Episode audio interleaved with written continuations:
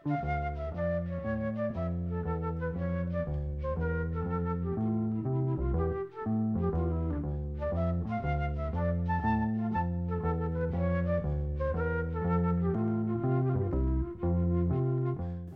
sæl.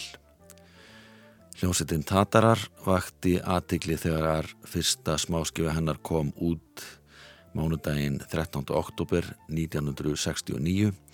Daginn áður hafði byrst heilsíð auðsing í morgunblæðinu með myndasveitinni. Lítið hafði hins vegar heist frá henni fram að því.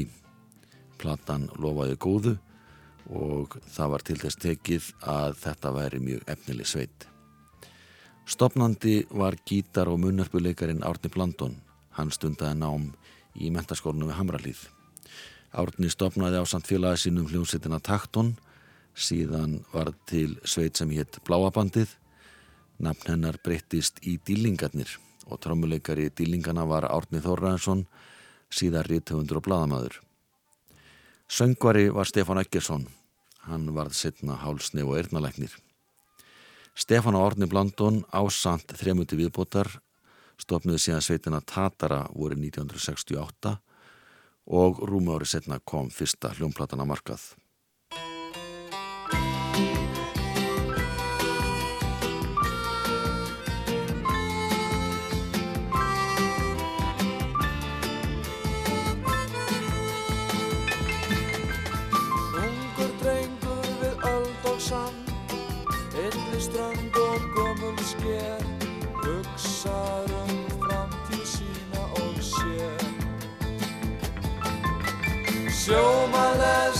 Stjóra Því ekki kom.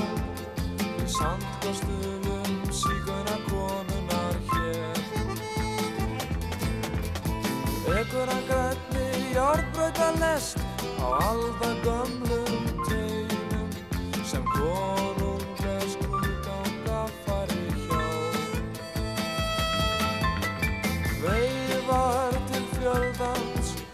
af sandi dregli og sest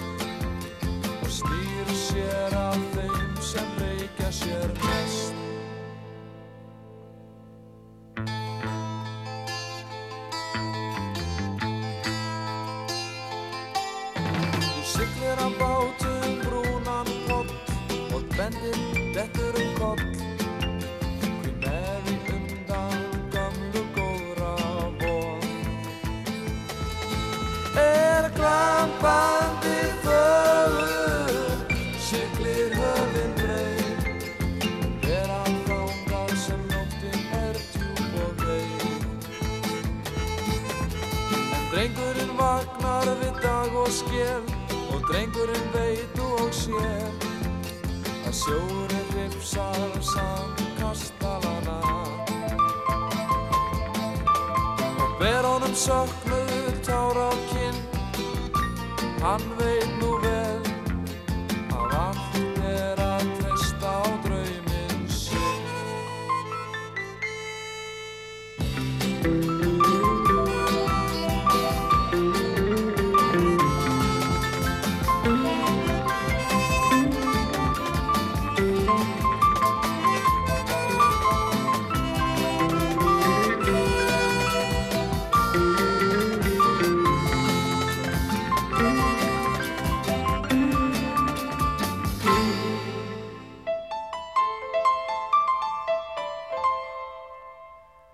Hljómsettin Tatarar og lag sem heitir Sandkastalar. Þetta er ennst lag úr smiðju hljómsettar sem heitir Family, heitir á ennsku Processions. Íslenska tekstan gerði Mattias Jóhannesson skáld. Stefán Eggesson söng, Árni Blandón spila á gítar og blési munnarpu, Þorstein Haugsson spila á piano, Magnús Magnússon leika trommur og bassaleikari var Jón Ólarsson sem hafði verið í hljómsninu Sú en gekk í Tatara skömmu áður en platan var tekinu upp. Hann var til að mynda ekki komin í hljómsettina þegar að Tatarar tóku þátt í hljómsettakeppni í Húsafellskógi um Vestlunmannahelgina 1968 og þar sigruðu þeir og það var til þess að Svafa Gests síndi sveitinni áhuga og gerði við hann að takja blutu Tomorrow said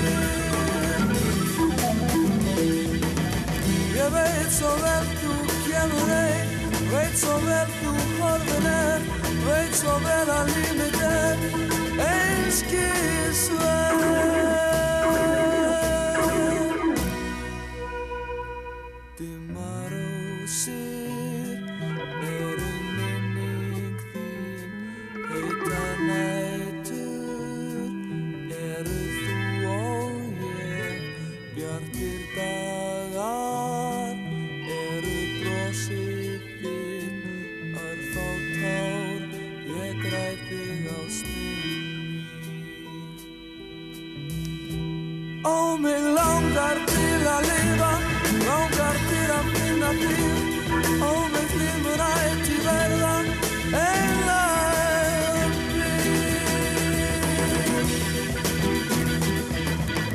Ég veit svo vel þú kemur ein, veit svo vel þú horfin er Veit svo vel að lífið er. Einskisverð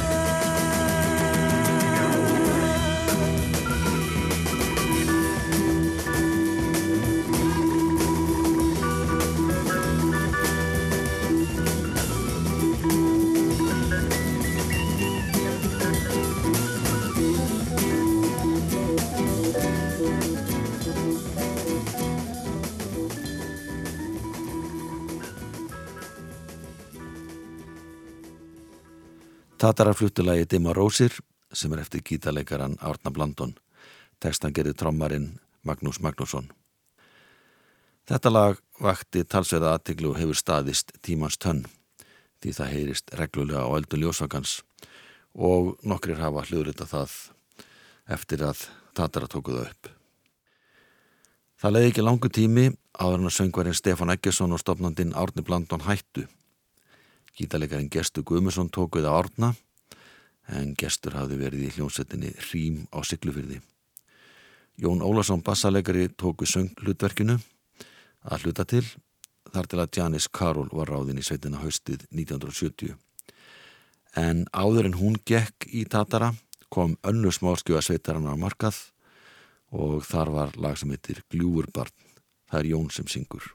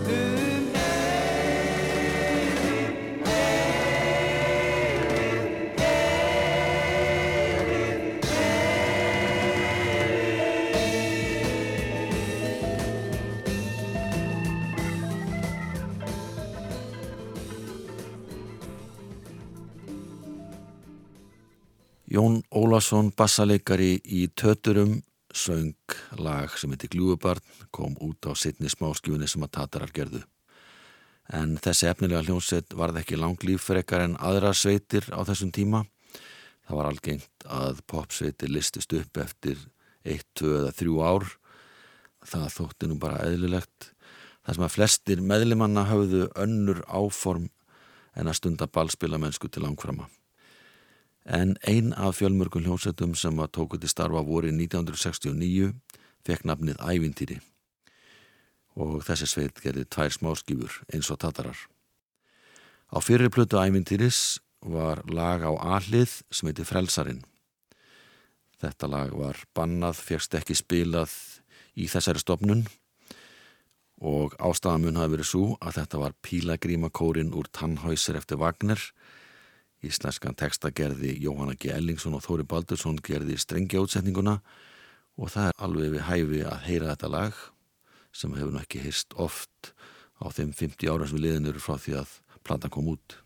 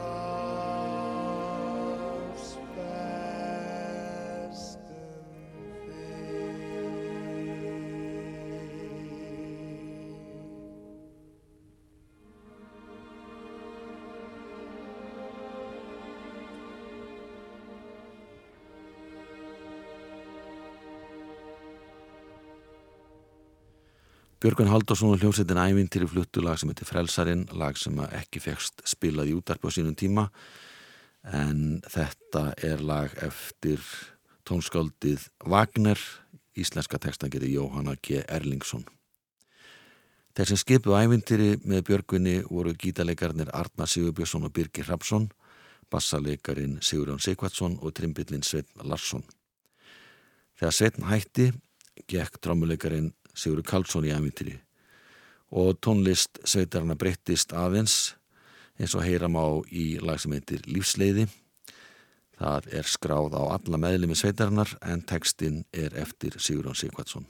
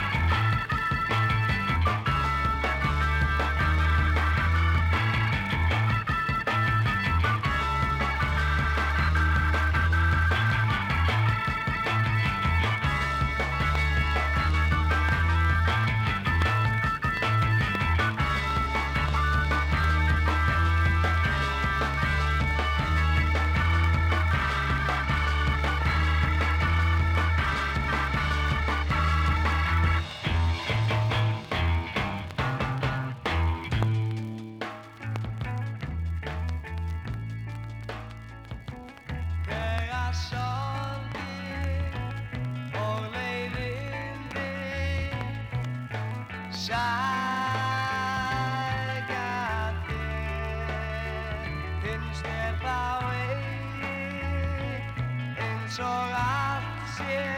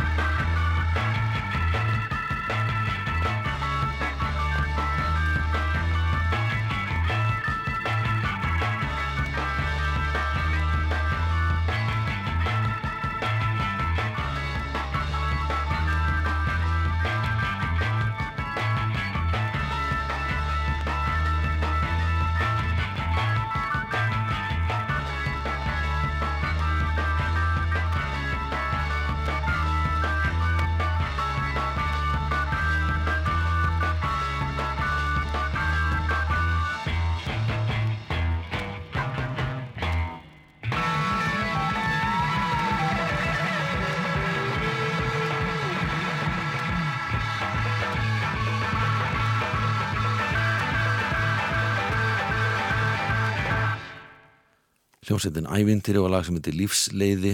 Það var tekið upp í Lundunum og ennskur organisti aðstóðaði í hljóðurinu. Plata kom út í áslokk 1970 og vakti ekki nánda nærri eins mikla aðtikli og viðbröð og rekna var með. Kanski var það þessi nýji tótt sem að virkaði ekki nógu vel en það má líka vera að umfjöldunarefni textana hafi stuðað einhverja.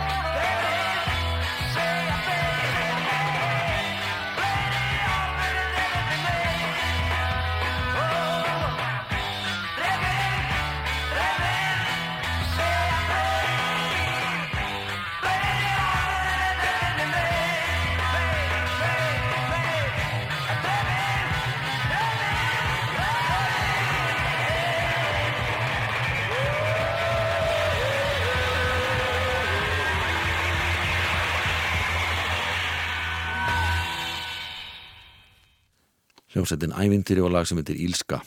Þeir fetuð þarna í fótspor annara rocktónistamanna sem horfðu öðruvísi á heiminn en gert hafi verið fram að þessu. Það færðist nefnilega í aukana að popparar fjölluðum ástandi í heiminum í söngu sínum, sungi var að fátakt, hungur, stríf og valdabaróttu og ungt fólk viða um heim kræðist þess af ráðamönnum að þeir settist niður og semdi sín á milli um frið. Alls konar tónlistafólk lagði sitt að mörgum. Þar að meðal voru meðlumir Río Tríós sem var sömdu lag sem heitir Við viljum frið.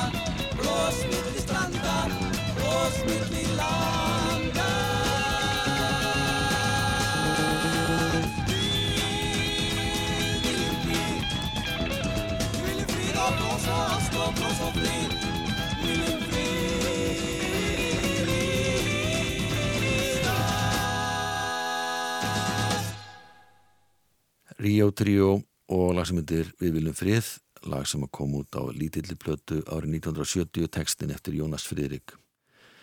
Einu ári setna gerði Ríó Tríó plötu sem að fekk nafnið Við Gunnu og Jónas. Þetta var breyðskifa sem var tekin upp í hálfkláruðu skrifstofuhúsnaði við Suðlandsbröð í Reykjavík og meðal þeirra laga sem að þeir tóku upp fyrir þessa plötu er gamalt þýst lag Lili Marlen með nýjum teksta Jónasa Friðriks sem að fjallar um ungan bandariska mann sem var nú bara eins og aðurir ungi menn hvar sem var í heiminum nema hvað að þessi ungi bandargemaður var kallaður í herin og þar með voru örlög hans ráðinn. Lægir heitir Strákur af vestan. Hann sá fyrst þessa veröld sama ár og ég og svipuð var hans æska minn á flestan veg við leiki og nám þar leið hvert á hann lífði bæði gleð og tár. Já alveg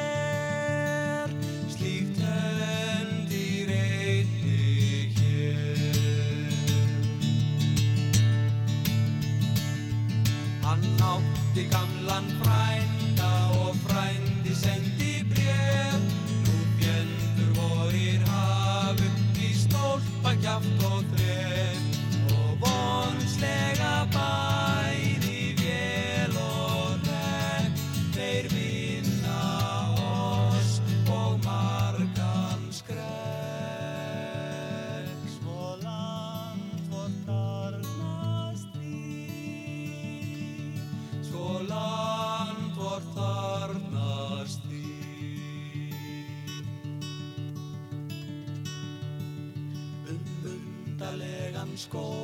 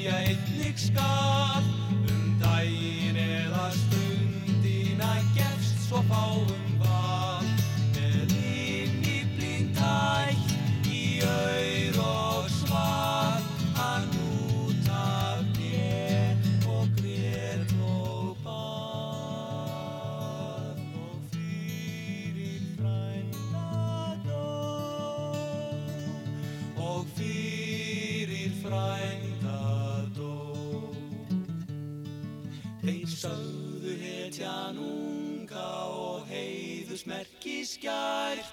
Var harmþrunginn í móður í sonar bætur fært. Ég orðu sem hann víst aldrei fæ og ekki hetju titil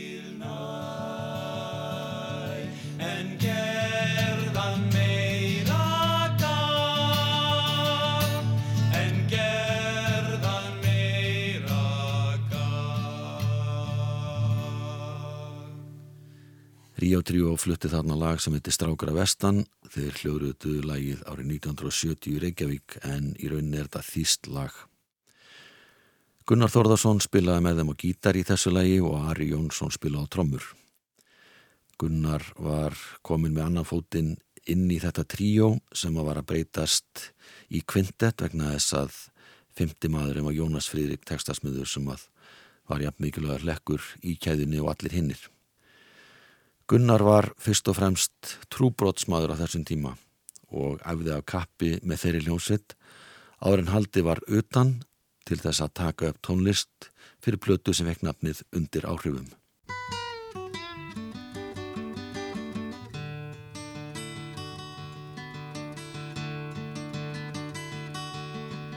Sitting here waiting on the railroad track, waiting for my tomorrow. Yesterday's gone and it ain't coming back. It left me full of sorrow, nowhere to go. Somebody please help me get on the love track, cause that's where I wanna be. Help me be for my mind cracks. Somebody save me,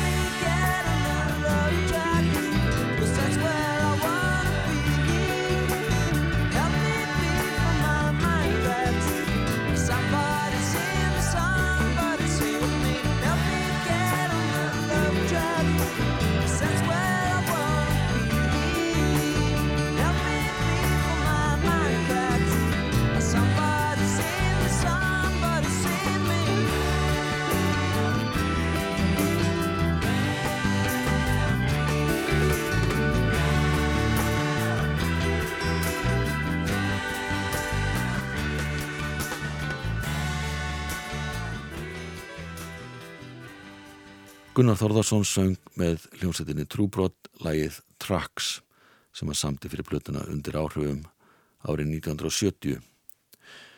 Og þeir sem skipuðu Trúbrott á þessum tíma auk Gunnars var bassalegarinn Rúnar Júliusson sem að var einn af stopnendum, orgelegarinn Magnús Kjartansson sem hafi tekið við af Karli Sigvartsinni og trommulegarinn Ólaður Garðarsson sem að tók við af Gunnar Jökli. Þessir fjórir fóru til Kaupmannhafnar 7. oktober 1970.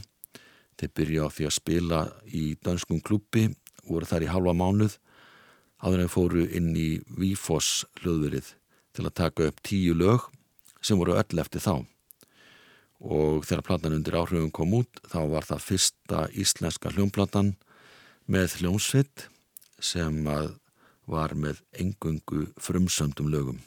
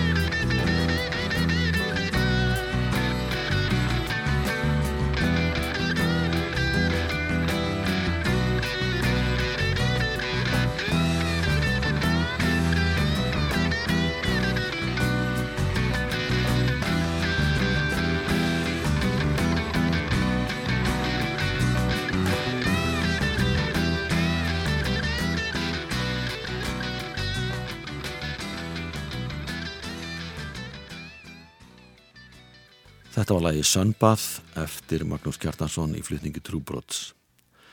Þegar platan undir áhrifum var gefin út var eftirvæntingi mikil en platan seldist samt sem áður ekki mikið minna en rekna var með og stóð tæplega undir kostnaði.